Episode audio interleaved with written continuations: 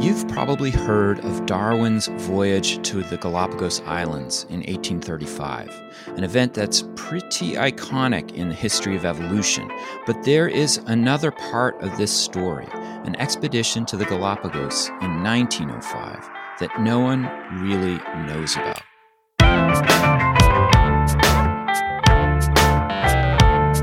It's time to eat the dogs. I'm Michael Robinson. Today, Matthew James talks about the 1905 Galapagos expedition organized by the California Academy of Sciences. James is a professor of geology at Sonoma State University. He's the author of Collecting Evolution The Galapagos Expedition That Vindicated Darwin. Matthew James, thank you for talking with me today. Thank you. So in 1905, an expedition ship, the Academy, leaves California en route to the Galapagos Islands. I was wondering if you could tell us what it was attempting to do. Yes. The expedition from the big museum in San Francisco, the California Academy of Sciences, was really setting out in part to bolster the reputation of the Academy. And they were really not going to either support evolution or refute evolution, but rather they were going to collect evolution. They were going to collect specimens that would then be studied later by the more senior scientists who stayed home in San Francisco, and the specimens, specimens were collected uh, by younger junior field collectors. So this expedition it wasn't on a, a modern ship. The Academy was uh, was a sailing ship. Could you describe something about the expedition itself? Sure. On the vessel, the Academy, it was built for the United States Coast Survey, which was the maritime equivalent of the Lewis and Clark expedition. It was built in, in Baltimore, Maryland, but then was used on the West Coast a lot, all the way up into Alaska. And eventually it came into the hands of the California Academy of Sciences after being thrown ashore in a big storm in 1904. So, one of the ironies of this expedition is that the Academy could not get a sailing vessel to undertake their expedition because none was available, none was for sale until this vessel became available. So they had to delay their expedition by a substantial amount of time. And that delay was undoubtedly frustrating for them. But it turned out to be extremely ironic that they had to delay. And that irony is because while they were gone, on the delayed version, their entire museum was destroyed in San Francisco by the 1906 earthquake that happened on April 18th. So, had they gone when they originally wanted to go, they would have come home in March of 1906. And the first thing you do after an expedition is you put all your specimens away so you can start counting them up and, and uh, studying them. And they would have put them away in the museum in March of 1906. And lo and behold, everything would have been destroyed as everything was destroyed in April of 1906. And so that is a tremendous irony. You uh, mentioned that the expedition was going to the Galapagos to collect data, collect specimens surrounding the issue of evolution. I was wondering if you could talk about where evolution stood as an idea at the turn of the century. Yes. It turns out that not only evolution was in a state of flux, but there were really three areas that were in a similar state of flux. One was conservation, in the sense that we know of conservation and conservation biology today. The other was geology and the origin of the islands. And then the third was evolution and really the mechanism of evolution, whether it was natural selection or mutation or something else. Mm-hmm. So, natural selection, as we think of it today and as we learn as undergraduates, um, is such a central part of the idea of evolution, but it was not in 1905. Um, it was not fully accepted that evolution proceeded by way of natural selection. Likewise, in geology, there was a countervailing idea to what we have today, which was that the islands were a, a small continent that had sunk beneath the waves, and that the islands were the tips of mountains, volcanoes uh, that otherwise had been part of a landmass. That's the subsidence idea. And ironically, the members of this expedition largely bought into that subsidence idea. So their collecting was driven with a desire to show that subsidence was correct. And that subsidence idea was formulated by a person named George Baur, who um, was convinced that the islands had previously been connected to the South American mainland or to Central America by way of this land bridge. Everything had sunk down. He called that former landmass Galapagos land, and that the islands were merely the remnants of tall mountains, not that they had been built up from the seafloor as we know today in the hotspot geologic mechanism, just as the Hawaiian Islands are built up that exact same way. And then in the world of conservation, it was thought that species were inexhaustible, that you could collect as many as you wanted specimens, and that it wouldn't really reduce their numbers substantially. And so that idea of inexhaustible nature was really propounded by Elliott Coues, one of the prominent ornithologists of the time, who said that if you wanted to study birds, you should collect 50 or 100 of everything except the most common species. Oh, God. Because the most common ones you could get later. But any bird you wanted to study, you should collect 50 or 100, lay them out on the table, and that way you would be able to study them. So, although today, very rightly, uh, people use binoculars to study birds, back then, people used a shotgun to study yeah. birds. Yeah. And that is one of the, the biggest challenges of my writing was to put these ideas into historical context that we don't adhere to any longer.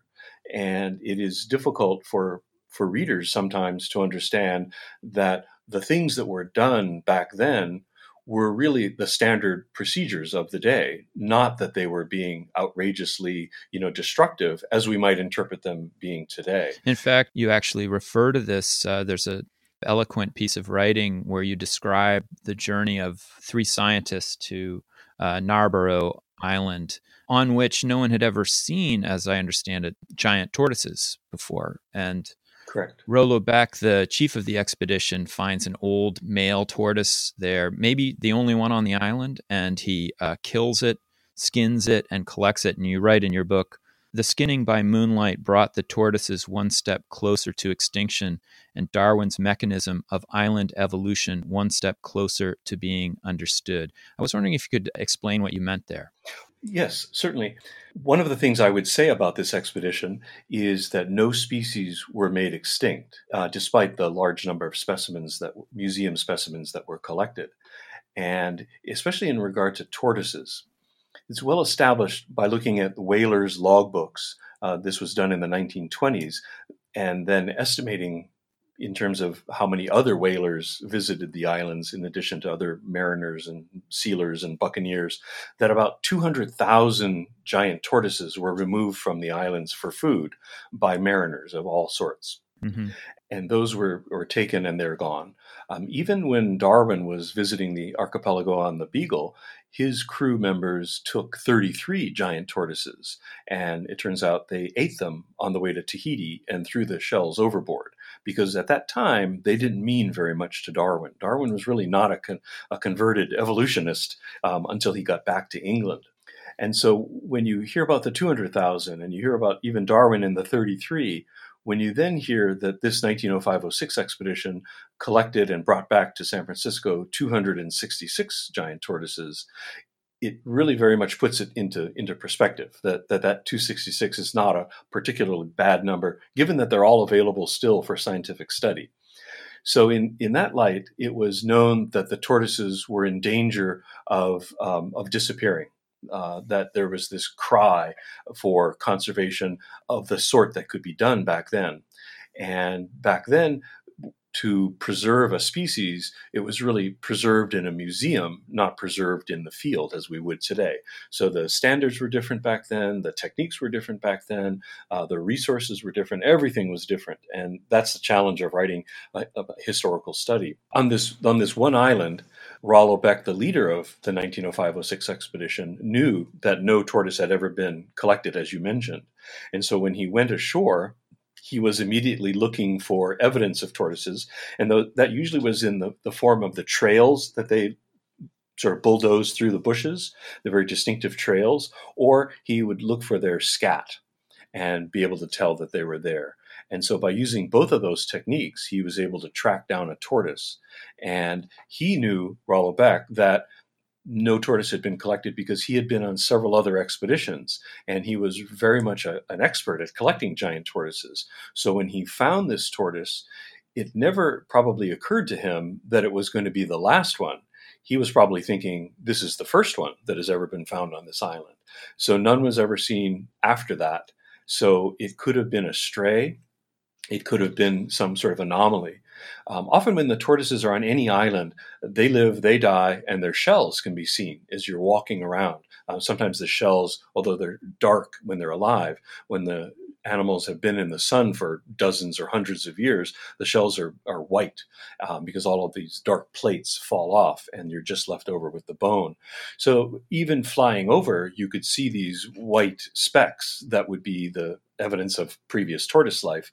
Uh, but that even that was never found on this one island, uh, Fernandina today or Narborough back then. Was um, I, I'm wondering what people thought of the Galapagos Islands at the turn of the century. Did they have, especially for these young men, the kind of iconic status, you know, as this um, this place where Darwin comes up with the evidence for evolution that it's now, you know, seen as, or was it seen differently?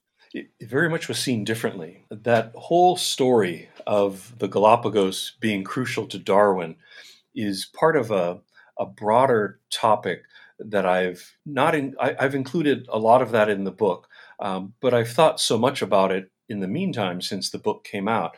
And one of the ways that I frame it is by using an analogy with uh, comic book writers. Uh, in in that genre, there's um, something called retroactive continuity retcon, it's called. Uh, and I'm, I'm, not a big fan of comic books, so I'm not an expert, but uh, events that uh, happened in earlier comic books are put into context in a later comic book by explaining, oh, this is how so and so met, and this is how this happened or that happened. So that kind of retroactive continuity was definitely applied to Darwin and that was really done to a large extent in the 1960s and late 1950s and into the early 1960s when UNESCO was planning to build a research station on the islands. And so the, the notion that the Galapagos were Darwin's living outdoor laboratory of evolution is a relatively new idea. Hmm. And one of the groups of organisms that epitomizes that is Darwin's finches. And it turns out that during Darwin's lifetime, he didn't study the finches very much, although he knew about them. He knew that they were unique in the islands. But the birds that were important to Darwin were the mockingbirds, of which he had three species, and after his death, there was a fourth species named. So the, the group of birds that really epitomizes the notion of evolution in the Galapagos is Darwin's finches. So the 1905 06 expedition, they collected some 3,800 specimens of Darwin's finches. And again, that sounds like a lot, but none were made extinct. The birds are very prolific. They breed and uh, replace their numbers very quickly. So those 3,800 specimens are still housed at the California Academy of Sciences. Yeah. Did, uh, did the young men, I'm, I'm wondering if you could talk a, about the the young male scientists um, aboard this expedition. Did they get along? Did they see themselves as uh, walking in darwin's footsteps? Right. They got along fairly well. There was a little bit of fighting. Um, there was probably much less fighting than you might imagine, given that the expedition lasted for 17 months and conditions were at times very harsh, very severe, dangerous. You know, it would try the patience of anyone. And under those kinds of harsh, dangerous conditions, that's when people begin to really break down and act badly. And that didn't happen on this expedition. So they all got together well enough that they all came home.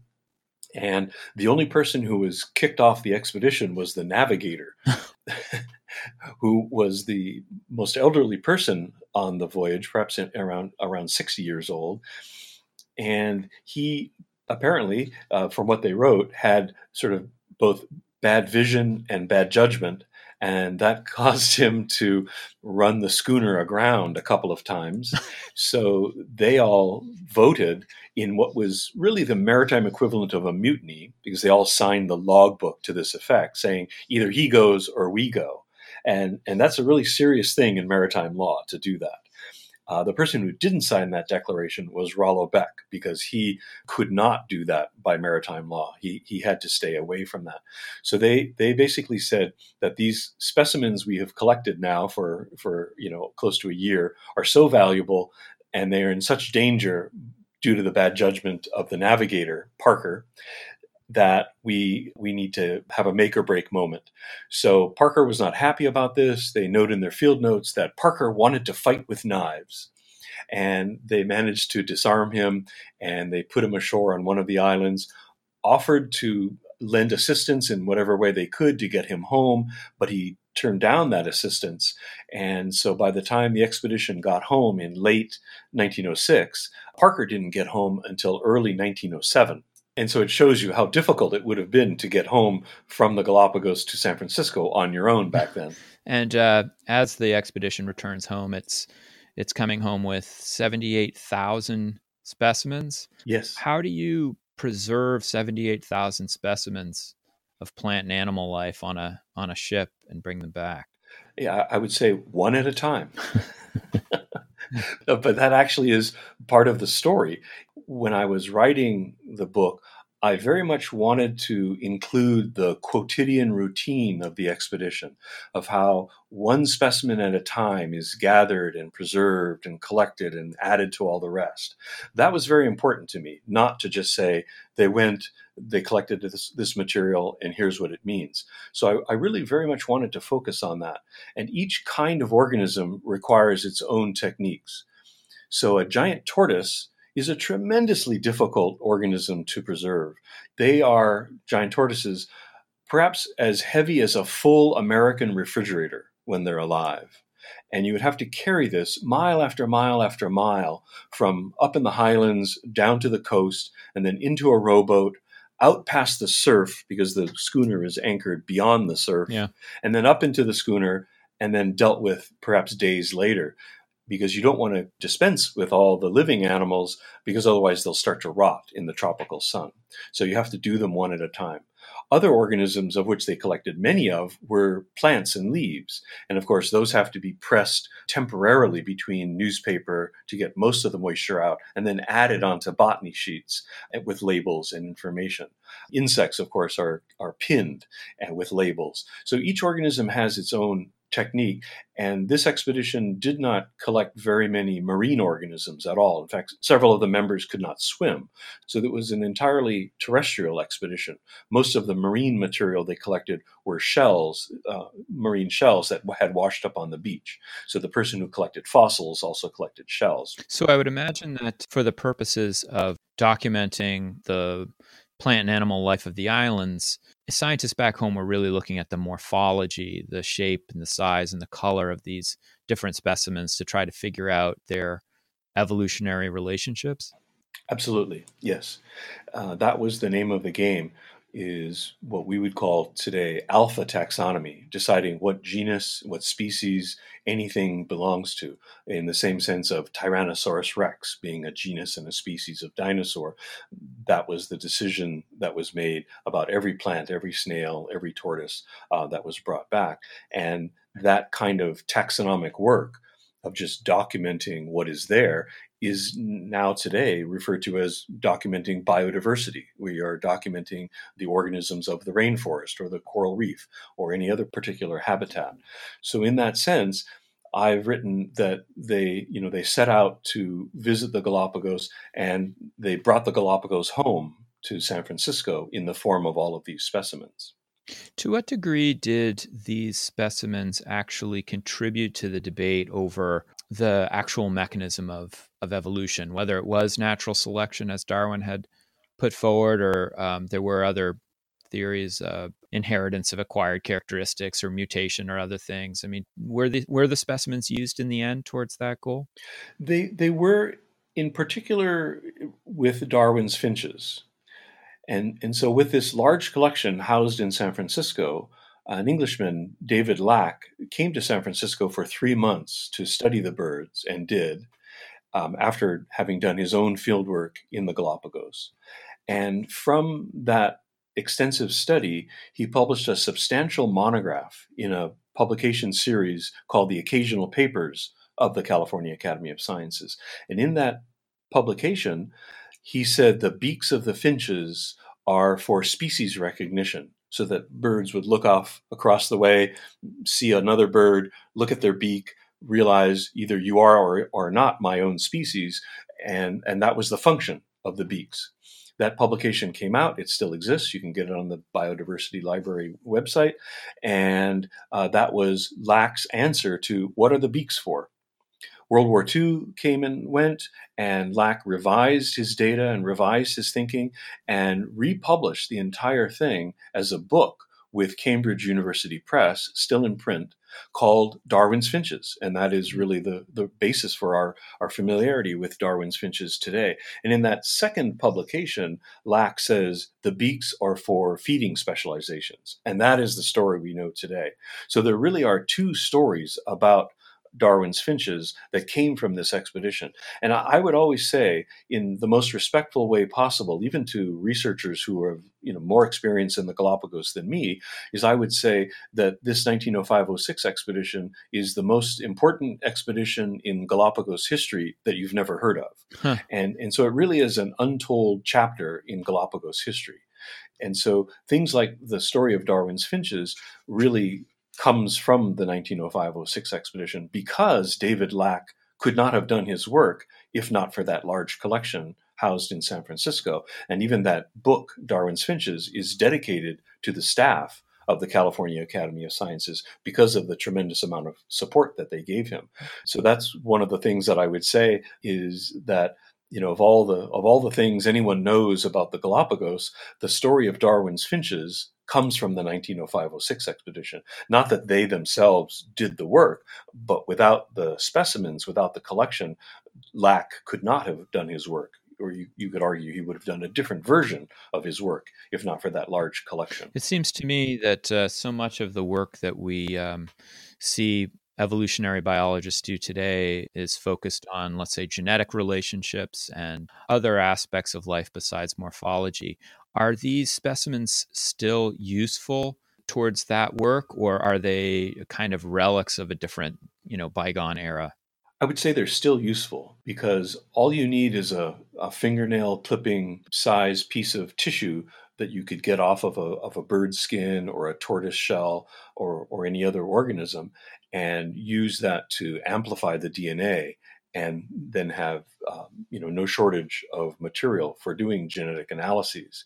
So the specimens are very much still in use today, not only for their external morphology, for the all of the bumps and hooks and knobs that any organism has, but also for its DNA. Yes. You uh, visited the islands for the first time in 1982, and you've gone back a number of times since. I was wondering uh, what your impressions of the Galapagos were the first time you were there.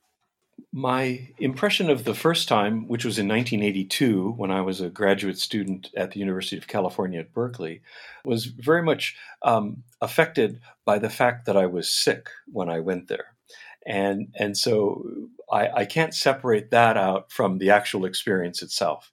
So as a graduate student, I was living my life. We put together this expedition and we went there, and I promptly came down with mononucleosis, as many students do, and I was treated incorrectly for it. I was given a shot of penicillin by a young doctor in the islands. And anyone who is treated that way will break out in a rash over their entire body, which I did. And I'm not allergic to penicillin.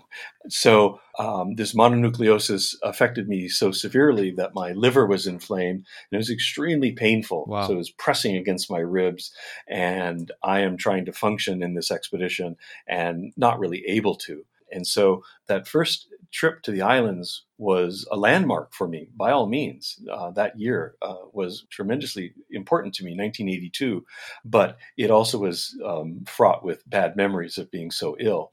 It, it also meant that because I hadn't collected as many of the specimens as other people on the expedition had, there were some complicated interactions with the other members of the of the expedition in years later, and so I was a little bit twisted up in the dog leash of scientific interactions And so I was very much looking forward to finding a project that I could work on all by myself. And that's when I found the story of the 1905 06 expedition through the archives at the California Academy of Sciences with their archival material that was literally untouched. Envelopes, uh, letters in envelopes that had been opened and read by the recipient in, say, 1903 or 1905 or 1907, uh, but then put away as we all put letters back into their envelopes and then never looked at again until we got yeah. uh, our hands on them and we started opening them up wearing cotton gloves and and treating them in a very respectful way and and just being amazed at what we were reading in each of these letters, the archivist, Michelle Welk, and myself.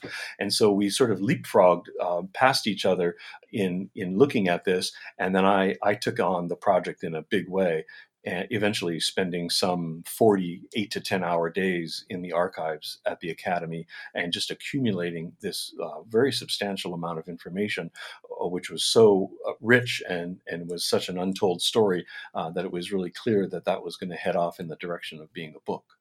Listening to you talk about your first uh, impressions of the island and the you know getting sick and having a fever, having a swollen liver, and then having various disagreements and interactions with other scientists on the expedition. It sounds very 19th century to me. I, am thinking like this is probably a more realistic uh, experience of. Uh, of island expeditionary life than uh, than the kinds of expeditions you would do there today.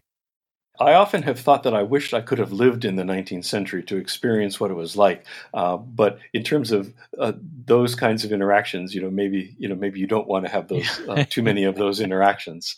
Yeah, I, I, mean, I was on a very brief expedition in 2004 on one of the these big ships. Uh, it was called the Corwith Kramer from the Sea Education yeah. Association, and and uh, you know it was a faculty cruise and so we were there you know doing a kind of mock-up of what a real semester at sea would be uh, and i'm a total landlubber but i remember you know having we were going to have these moments where we talked about history of science aboard ship but we were on this uh, watch system where we were, you had to sleep you know uh, work for eight hours and then sleep for eight hours, and it rotates through the course of the day. and By you know five days in, I was so disoriented, sleep deprived. It was too hot. I was really incapable of doing any mental work at all, and I felt in a way that although you know my cruise was nothing like Darwin's cruise or others, it it actually made me appreciate more how difficult it would have been to be aboard ship and to have to do all of this collecting and then to be coherent enough to write about it and catalog it.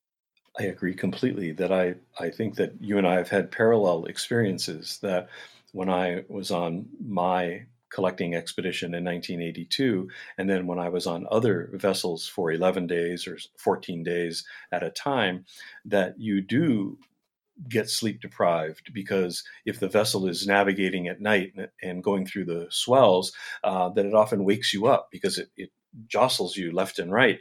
And so then you wake up in the morning, you know, having slept not deeply enough. And and so yeah, your perspective on the world changes. That your attitude is much less positive uh, than it would have been had you had a good night's sleep. I think we all feel that way. If we get a good night's sleep, we feel so much better the next day. And then if you don't do that for days and days and days on end, um, that it is very stressful. It, it's very it's a very stressful time. So um, I, I can't agree with you more. well, Matthew James, thank you so much for talking with me. Thank you very much. That's it for today. The music was composed by Zabrat. Make sure you check out the Time to Eat the Dog's website for podcast links and other exploration related stuff. And if you get the chance, please take a minute to rate and review the show wherever you get your podcasts. It really helps make the show visible to new listeners. And if you want to recommend a guest or make a comment, feel free to contact me at time to eat the dogs. That's one word, lowercase at gmail.com. See you next week.